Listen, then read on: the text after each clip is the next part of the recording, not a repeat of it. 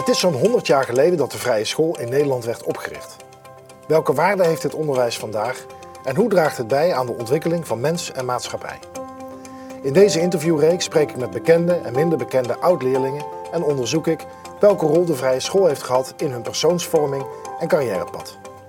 Mijn naam is Laurens Knoop, ik ben voorzitter van de Vereniging van Vrije Scholen en vandaag is bij ons de gast hoogleraar Maarten Steinboeg.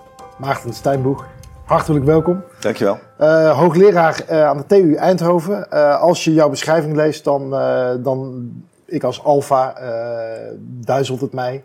een hele hoop techniek. Zou je zelf kunnen beschrijven wat je precies doet? Nou, ik hou eigenlijk van alle dingen die bewegen.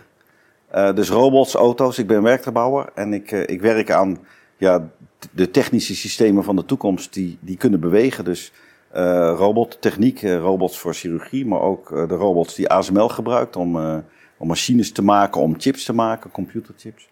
En mobiliteit werken we aan in mijn groep. Dus schone mobiliteit, elektrische aandrijving. tot nu toe altijd auto's en bussen, vrachtwagens. Maar steeds meer ook elektrisch vliegen vind ik razend interessant. Ja. Elektrisch vliegen, ja. kijk. Ja kunnen we niet omheen, daar moeten we naartoe. Daar moeten we in ieder geval voor een deel naartoe. Ja. Wat fascineert jou zo in, dat, in die techniek en die beweging? Ja, ik, ik ben ingenieur en tegelijkertijd uh, uh, wil ik ook wel iets met mijn handen doen. Dat heb ik altijd gedaan. Knutselen vond ik altijd heerlijk. Um, en die combinatie zorgt er eigenlijk voor dat je zeg maar ontwerper bent. Uh, en ik ben ook nieuwsgierig. Als, wetenschapper stel ik mezelf altijd vragen. Kan het beter? Kan het sneller? Kan het, kan het morgen nog beter? En ik, ik, probeer ook altijd problemen op te lossen. Dus ik ben vanuit mijn middelbare school toen gaan studeren. En toen heb ik heel bewust gekozen om in mijn afstudeerproject te kiezen voor windenergie. Omdat ik ook wilde bijdragen aan een betere wereld. Dus ik heb mijn vak, uh, het ontwerpen van technische systemen. In het bijzonder doe ik dan de regeltechniek daarvan. Dus kan je met besturingstechnologie systemen nauwkeuriger maken. En dat ben ik toen gaan toepassen in mijn afstuderen en later promoveren op windturbines. Dus de, de, de bladhoekregeling, als het heel hard gaat waaien, zoals vandaag begint het aardig te waaien. Die molen gaat steeds harder draaien, maar als het echt gaat stormen, dan moet je die bladhoek een beetje draaien, zodat hij niet over zijn toeren raakt.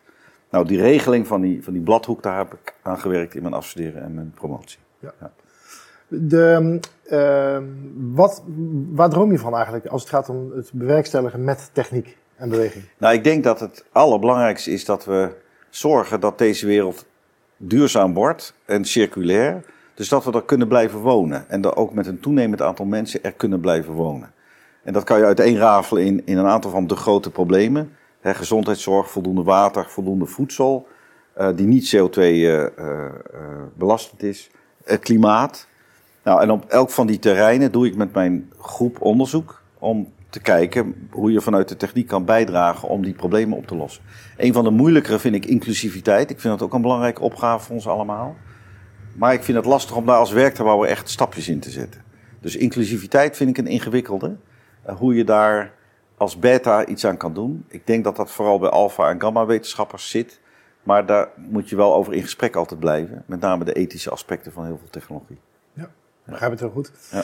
Um, je zou kunnen zeggen, je, je, hebt honderden masterstudenten begeleid. Tientallen mensen gepromoveerd. Ja. Uh, dat betekent dat jij uh, ook leraar bent. Ja, zeker. Ja. Um, wat vind jij belangrijk, wat waardeer jij aan een houding van een student? Oh, ik dacht dat je wilde vragen wat waardeer je aan de houding van een leraar, maar daar komen we zo misschien nog wel op. Um, nou ja, wat je, laat ik toch vanuit de leraar even spreken. Wat je hoopt is dat je een vlammetje kan overdragen. Uh, en dat is bij verschillende levensfases van een, een, een mens, van een, van een leergierig mens, is dat anders. He, lesgeven aan, aan lagere schoolkinderen is anders dan aan, aan pubers. En dat, uh, dat pubers uh, druk zijn in de klas en zich niet kunnen concentreren is heel logisch. Wat je uiteindelijk probeert te doen, is een soort denkmanier over te dragen die ook ergens inspirerend is. En dat is iets makkelijker voor mij op de universiteit, want daar hebben studenten bewust gekozen voor een studie.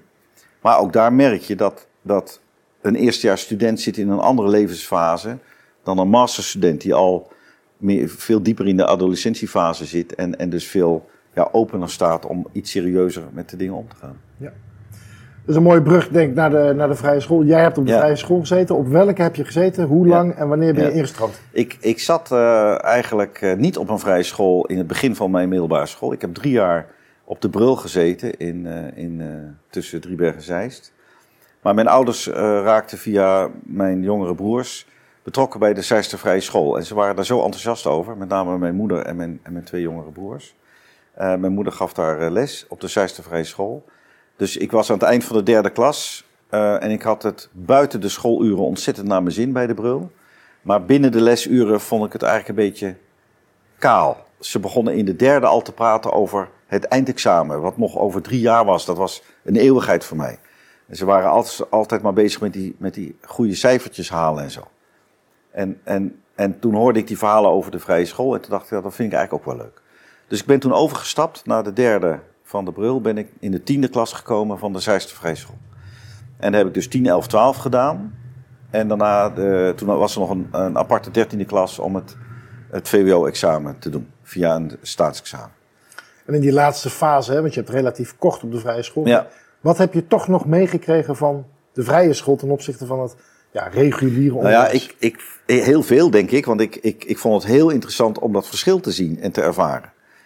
Wat ik heel boeiend vond, ten eerste, we zaten met een klas met allemaal verschillende uh, niveaus en, en, en school, schoolgeleidingen, zeg maar. Dus MAVO, HAVO, VWO, zat allemaal bij elkaar in één klas. Met die klas gingen wij drie jaar lang verder. De klassenleraar ging drie jaar lang mee.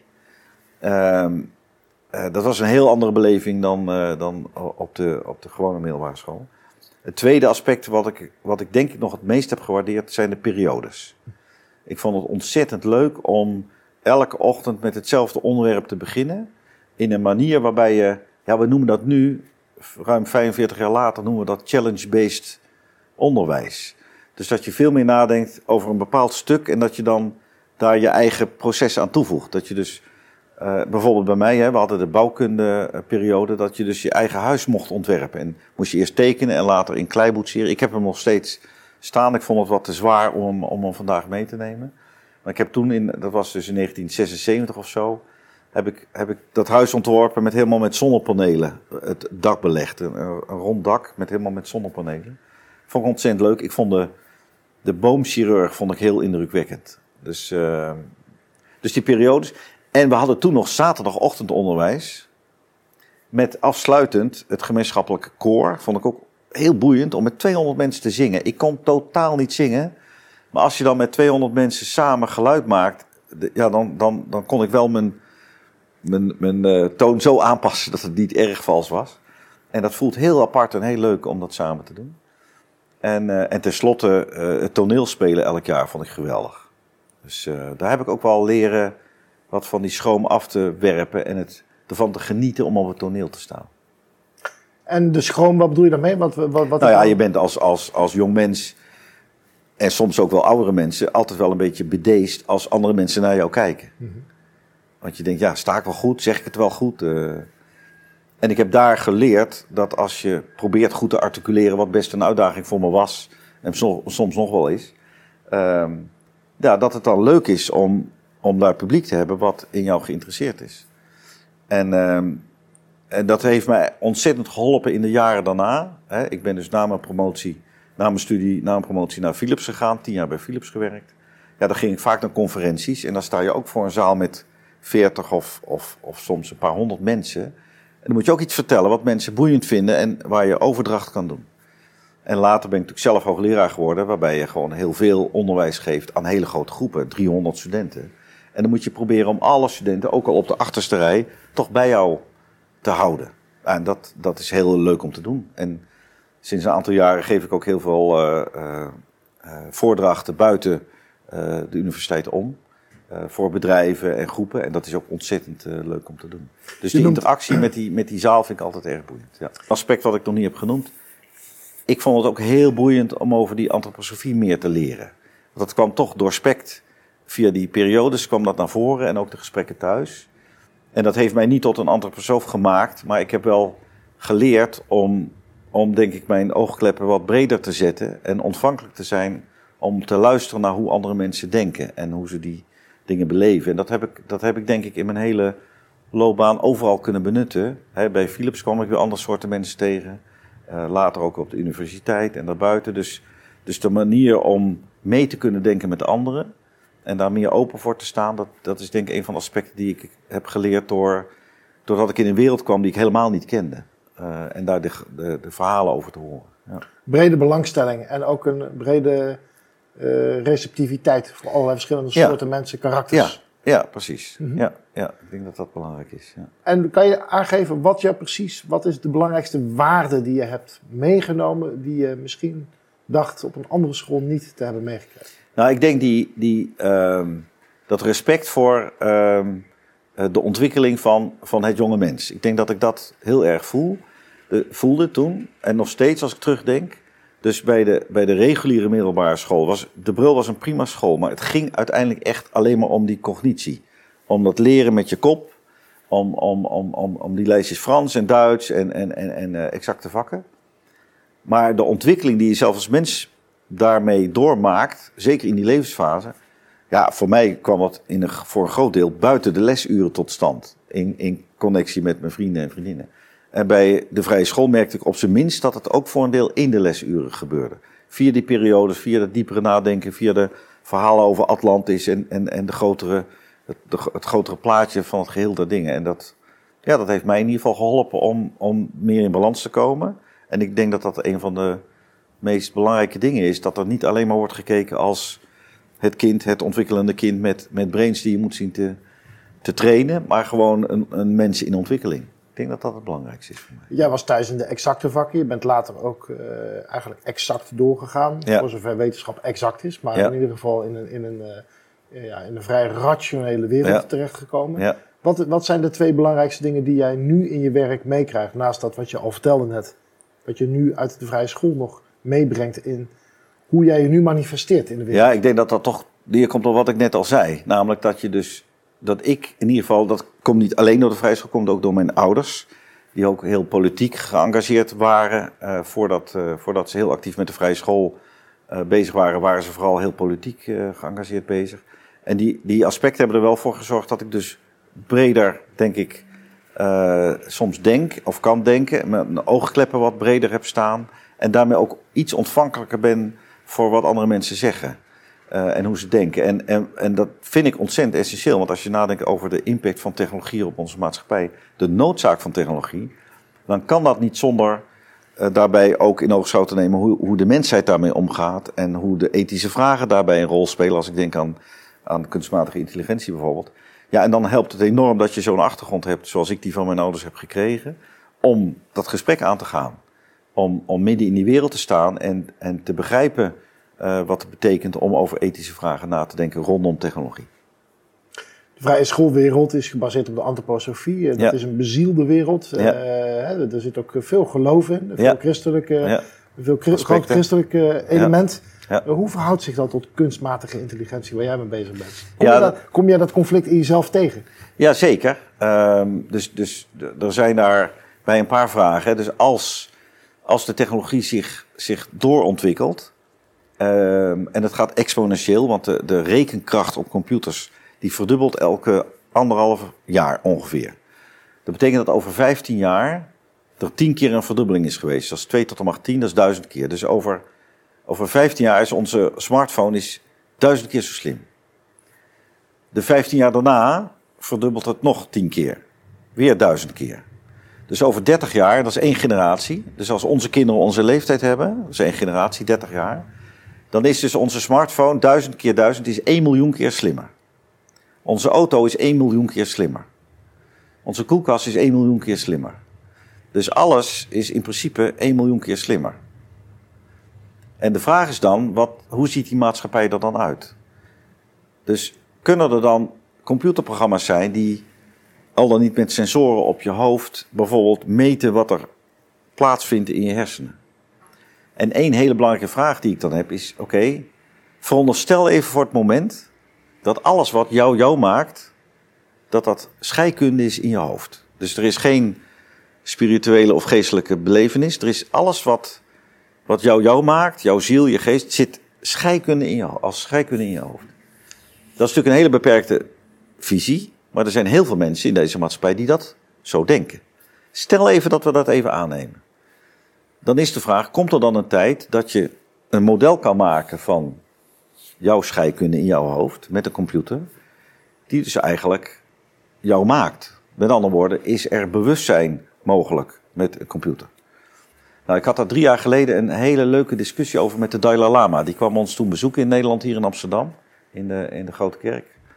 En uh, ik heb een kwartier met hem daarover kunnen debatteren op een, op een podium voor 600 mensen in de zaal. Nieuwe Kerk was het trouwens, geloof ik, op de Dam. En uh, ik vroeg aan hem van, van als die wet van Moore doorgaat, hè, dus die verdubbeling elke 18 maanden van rekenkracht. En we hebben over een generatie computers die 1 miljoen keer slimmer zijn dan nu. En stel dat alles, alles in je hoofd zit, kan je dat dan dus namaken. En toen zei hij, de diepste laag van bewustzijn is iets wat je niet fysiek kan aanwijzen. Dat is iets geestelijks, dat is het atma, het ik. Ja, dat sluit eigenlijk heel goed aan bij de antroposofie. Waar je natuurlijk het, het, het, geestelijke ik hebt. Wat natuurlijk niet iets is wat fysiek is. Nou, en dat komt dan heel dichtbij bij de discussies die ik met mijn ouders altijd had over. Oké, als je in de antroposofie, als je dat even aanneemt dat dat klopt. En je hebt die, die technologische wereld waar ik het over heb. Ja, hoe ontmoeten die elkaar? En het mooiste nog, wat, wat mijn ouders aan mij gaven in die discussie was. Van als we zo'n wereld creëren van die, vanuit die technologie. Met, met, met bewustzijn in computers of wat dan ook. Wat er ontbreekt in, in die geestelijke wereld, als je dat geestelijke wereld zou mogen noemen. Dat is de normen en waarden die we wel hebben in onze andere geestelijke wereld. Dus, dus de normen en waarden zitten diep doorspekt in alles, in alle geloven. Maakt niet uit welk geloof je neemt. Terwijl in die technocratische wereld, daar zitten niet automatisch normen en waarden. Dus ik weet niet wat waar is. Maar als het zo is dat we met die technologische wereld dus bewustzijn kunnen creëren, dan betekent dat dus ook dat als we naar een goede samenleving willen, dat we dus de normen en waarden moeten indesignen in die wereld. Dus dat betekent dat we ethiek onderwijs moeten geven, ook op de technische universiteiten. Als conclusie. En zelfs op de middelbare scholen moet, moet ethiek eigenlijk een standaard vak worden. Nou, dat, en dat hebben we gelukkig in Eindhoven geïmplementeerd. Alle tweedejaars studenten, alle 1800 tweedejaars studenten krijgen allemaal een heel college over ethiek in de techniek. En hoe je daar als, als, als ontwerpende ingenieur mee om moet gaan. Ik vind dat heel belangrijk. Ja. Ik uh, vat je even samen. Je zegt eigenlijk ja. van nou, door de, uh, over de volgende generatie heeft een miljoen meer rekenkracht. Ja. in onze hoofden kunnen we dan eigenlijk heel dicht bij het bewustzijn komen. Dat bewustzijn is eigenlijk dan nog redelijk neutraal. Daar moet je eigenlijk ethiek heb je Ja. daarvoor nodig. Dat zou je uit de antroposofie als inspiratiebron kunnen halen. Ja. En, Want- en uit alle geloven in feite. Hè? Want Zeker. alle geloven hebben in de kern dat normen- en waardesysteem vergelijkbaar. Ja. Je bent niet voor jezelf op de wereld. Je moet aan de ander denken enzovoort. Dus dat normen- en waardesysteem wat goed en kwaad is, dat zit overal in. Ja. En dan nog een laag dieper, want de, ik denk dat de gemiddelde antroposoof ook zou zeggen van, nou ja, eh, ja, maar daar zit ook nog een bezieling in. De ziel kun je nooit met een computer benaderen, zoals de Dalai Lama zei. Ja. Eh, Bestaat, blijft die ziel dan apart bestaan volgens jou? Of denk jij daar zo Ik weet het niet. Ik, ik weet het niet. Ik stel alleen maar de vraag. Ik weet niet. Ik weet niet. Dus ik, ik, ik ken natuurlijk de beleving van de antroposofie. Eh, die, die ziel, dat, dat vat ik ook samen met dat geestelijke en dat bewustzijn. Hè? Dus dat is voor mij één, één pakketje. Eén pakketje. Dus, dus, maar ik weet niet wat waar is. Ik stel alleen maar de vraag. En, en, en wat je zou kunnen denken als je vanuit de antroposofie redeneert, is van ja, moeten we dan al die techniek wel willen? En dan, en dan, dan probeer ik, ik ben natuurlijk een optimist, bij mij is het glas altijd half vol. Die techniek heb je keihard nodig om onze maatschappij echt duurzaam en circulair te maken. Je hebt overal techniek nodig en omarm het ook als iets wat, wat goed is en wat je dus ook moet sturen in de goede richting. Daar moet je dus bij de les voor blijven. Maar je moet niet zeggen, eh, dat moeten we maar niet gaan ontwikkelen, want dat heeft ook slechte aspecten. Dat, dan gaat het toch wel ergens ontwikkeld worden. Dus je kan het beter omarmen, het gesprek hebben en het zorgen dat het in de goede richting gaat. Dan komen we automatisch natuurlijk bij het onderwerp eh, digitalisering in onderwijs. Ja, ja, Een hele spannende. Ja. Eh, ja, de vrije school die zegt toch over het algemeen wat vaker van laat je mobiele telefoon in het filterzakje bij de Ja. entree van de deur Ja. eh, hangen. ja. Andere scholen zijn er heel erg voor om dat zoveel mogelijk op de schermen te doen. Wat is jouw houding daarin? Ja. Ehm, ja, dan moet ik toch terugdenken aan toen ik net op de, op de. Nee, dat was al iets later, denk ik, in de tachtige jaren. Toen kreeg ik mijn eerste PC. Dat was volgens mij 1984. Ik was net afgestudeerd. Ik was 24, kreeg ik mijn eerste XT. Met zo'n grote floppy, weet je nog? Zeker. En toen had ik een discussie met mijn moeder of dat niet ook in het onderwijs zou moeten. En ze zei, nee, wij willen geen computers, want het is slecht voor het onderwijs. En toen vijf jaar later heb ik nog een keer een discussie over gehad. Toen was ik natuurlijk weer vijf jaar verder. Toen was ik net overgestapt naar Philips, eind 80 jaar. En toen heb ik het opnieuw, want ik zag die PC's overal komen. En ik zag de potentie ervan als, gewoon als toolkit. En toen zei mijn moeder, nee, dat moeten we niet hebben. En nu is de PC niet meer weg te denken uit het onderwijs. Het wordt overal op de vrije scholen gebruikt. Dus, dus en dat gaf ze me ook later wel toe. Van ja, het is gewoon een tool die moet je gewoon goed inzetten. Dus digitalisering in het algemeen maak er gebruik van. Op een verstandige manier. Hou het niet tegen, want het is onverstandig om het tegen te houden. Want ik bedoel, jonge kinderen die zitten ook al heel veel op een iPad. En, en dat is niet noodzakelijkerwijs slecht. Als het maar in balans is met de andere dingen. Als je ook maar gewoon lekker buiten speelt. Maar probeer daar niet te rigide in te zijn. Omarm het daar waar het goed is. En balancerend een beetje. Ik weet ook niet of je middelbare scholieren allemaal met een smartphone moet laten rondlopen de hele dag. Omdat ze misschien dan veel te veel afgeleid zijn. En daar zou je regels voor kunnen afspreken. Maar het is niet slecht. Het is heel goed. De wereld is heel klein geworden door digitalisering. En dat is geweldig. Ja. Mooi antwoord. Eén ehm, kritische verdieping. Um, van een telefoon. Jij bent als geen ander bekend met de interactie tussen mens en machine. Ja. Uh, ik weet dat, tenminste dat hoor ik, dat lees ik, dat als je op je scherm kijkt, dat je eigenlijk daarna 10 minuten daarmee bezig bent. Dus hoe staat het met de concentratie in dat, in dat apparaat? Dat ben ik dan wel heel benieuwd naar wat jij daarvan denkt. Ja, dus, dus dan moet ik tegelijk je corrigeren, want ik ben niet degene die het meest weet van mens-machine interactie. Er zijn onderzoekers die echt kijken naar dat aspect. Uh, maar ik heb er wel veel over, over nagedacht en gesproken over mensen. Ik denk dat, um, dat er ook wel een soort zelfregulerend mechanisme aan de hand is. Bijvoorbeeld, ik krijg nou op mijn smartphone regelmatig te horen: u heeft vandaag zoveel schermtijd gehad. En dan ga je toch nadenken hoe het zit. Uh, we hebben ook allemaal onze appjes voor dat we voldoende lopen en zo. Dus er komen steeds meer systemen die ons ook feedback geven over het gedrag wat we hebben uh, met, met, met, de, met de communicatie, met digitale means. Maar ik merk zelf met, met dat thuiswerken van de afgelopen twee jaar met COVID. Ja, dat je op een gegeven moment natuurlijk helemaal tureluurs wordt van al die teamsvergaderingen. Um, en, en dat het heel goed is om, om echt voldoende naar buiten te gaan. Om regelmatig pauzes te hebben en even, even naar buiten te gaan. Dat, ja. dat blijft dus, dus met je lijf bezig zijn, fysiek, dat blijft enorm belangrijk. Ja. Mooi. Even terug naar de vrije schoolperiode waar ja. jij uh, op zat in Zeist. Ja. Um, heb jij een bijzondere herinnering aan een bepaalde leraar, lerares die iets bij jou heeft aangeraakt waardoor je toch uh, later in je leven een bepaald pad in bent geslagen? Nou, dat ben je niet... ergens gepakt? Ja, ik ben, ik ben op verschillende manieren ben ik, ben ik geïnspireerd door de leerkrachten. Uh, maar niet zodanig dat er eentje is van ik zeg, daar heb ik vaak wat mee gedaan. Onze klassenleraar Hans van der Boogaard heette die geloof ik. In ieder geval Hans, dat weet ik zeker. Natuurkundeleraar, dat sprak mij natuurlijk aan, want ik voelde me heel lang met het exacte. Dus die was wel belangrijk voor me uh, als klassenleraar. Uh, ik weet nog, uh, Nel Amons, daar heb ik nog via Facebook contact mee. Die was mijn begeleidster voor mijn uh, eindproject in de twaalfde. Daar heb ik, stijgproeven gedaan, want ik wilde eigenlijk wel aantonen dat homeopathie geen onzin was. Dus toen heb ik stijgproeven gedaan met homeopathische verdunningen en zo. Dat hebben we allemaal zitten uitzoeken. Ik kon het trouwens niet aantonen, maar goed, dat maakt allemaal niet uit. Um, dat was heel leerzaam. Maar ik weet nog dat ik, uh, dat ik een eindgesprek had met Nel Amons en dat ik. En dat, was, dat ging wel diep. Dus vroeg: wat vind jij nou moeilijk? Uh, en, en een van de aspecten waar ik mee worstelde, dat had eigenlijk helemaal niks met mijn eindproject te maken. Dat was het aspect van: hoe, hoe kan ik nou andere mensen het beste helpen als ik voel dat er een hulpvraag is, hoe verdekt ook? Hoe actief moet ik dan die hulpvraag eruit peuteren of moet ik neutraal blijven? Dus dat vond ik heel ingewikkeld. Want ik wilde altijd heel graag mensen helpen, maar soms dan, dan, dan denk je ook niet, niet vanuit de ander, maar vooral vanuit jezelf. En dat is niet altijd even verstandig. En daar gaf ze me wel een wijze antwoord op. Dat je toch ergens je intuïtie moet voelen. En, en dat moet combineren met goed waarnemen. En daar heb ik wel heel vaak aan teruggedacht. Aan die uitspraak van Nel. Uh, op het, het hulpvaardig zijn naar andere mensen. Zonder dat je zelf de dominant daarbij opdringt. Daar heb ik trouwens ook wel veel van mijn vrouw geleerd, die toen al mijn vriendin was. Uh, en nog steeds mijn vrouw is. Die heeft zelf uh, geneeskunde gestudeerd. Dus die zijn als zorgverlener heel erg getraind om open vragen te stellen. En voor een man techneut zoals ik is het stellen van open vragen heel ingewikkeld.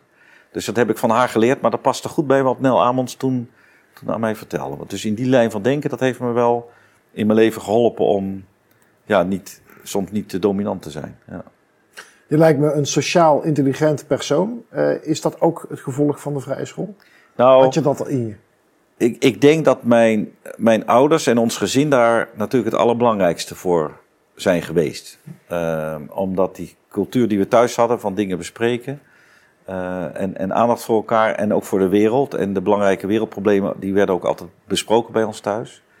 Ik denk dat dat relevanter was, want die vrije school is natuurlijk uiteindelijk maar de laatste drie jaar geweest van een middelbare school. Maar het heeft wel een extra, een extra stapje daarin gemaakt. Met name omdat het zo'n nieuwe wereld was, dat ik ook meer respect kreeg voor alle andere dingen die andere mensen konden denken. Ik denk dat dat nog het belangrijkste is wat ik daar eh, van mee heb genomen. Ja.